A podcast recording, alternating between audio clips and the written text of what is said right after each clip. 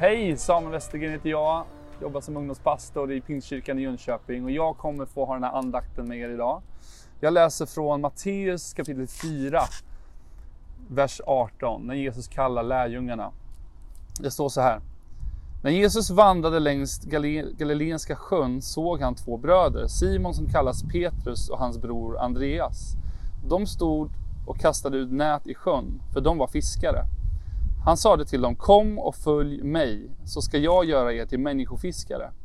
Genast lämnade de näten och följde honom.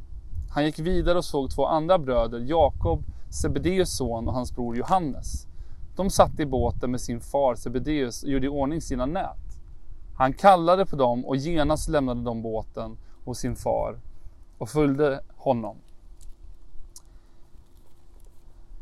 Jag tycker den här texten är väldigt eh, spännande och mycket eh, inspirerande för mig därför att när Jesus kallar de här killarna så handlar det inte om eh, deras grymma status eller allt det de har åstadkommit.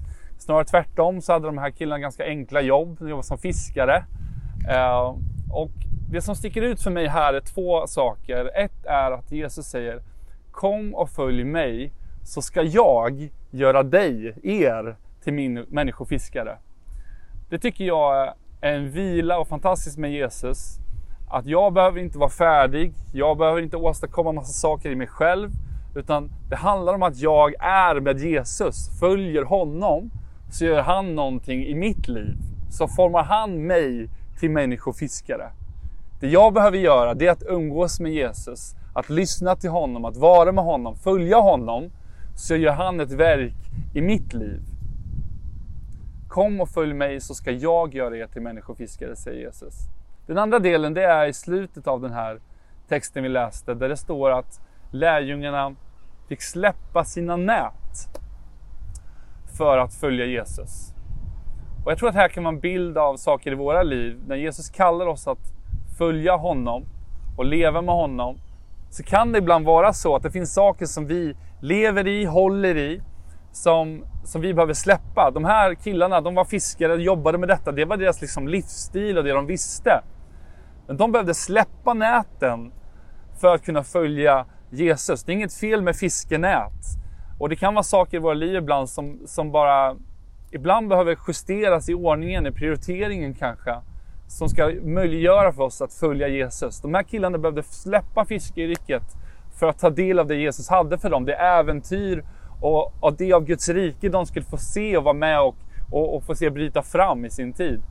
På samma sätt i våra liv tror jag att Gud ibland utmanar oss att släppa näten.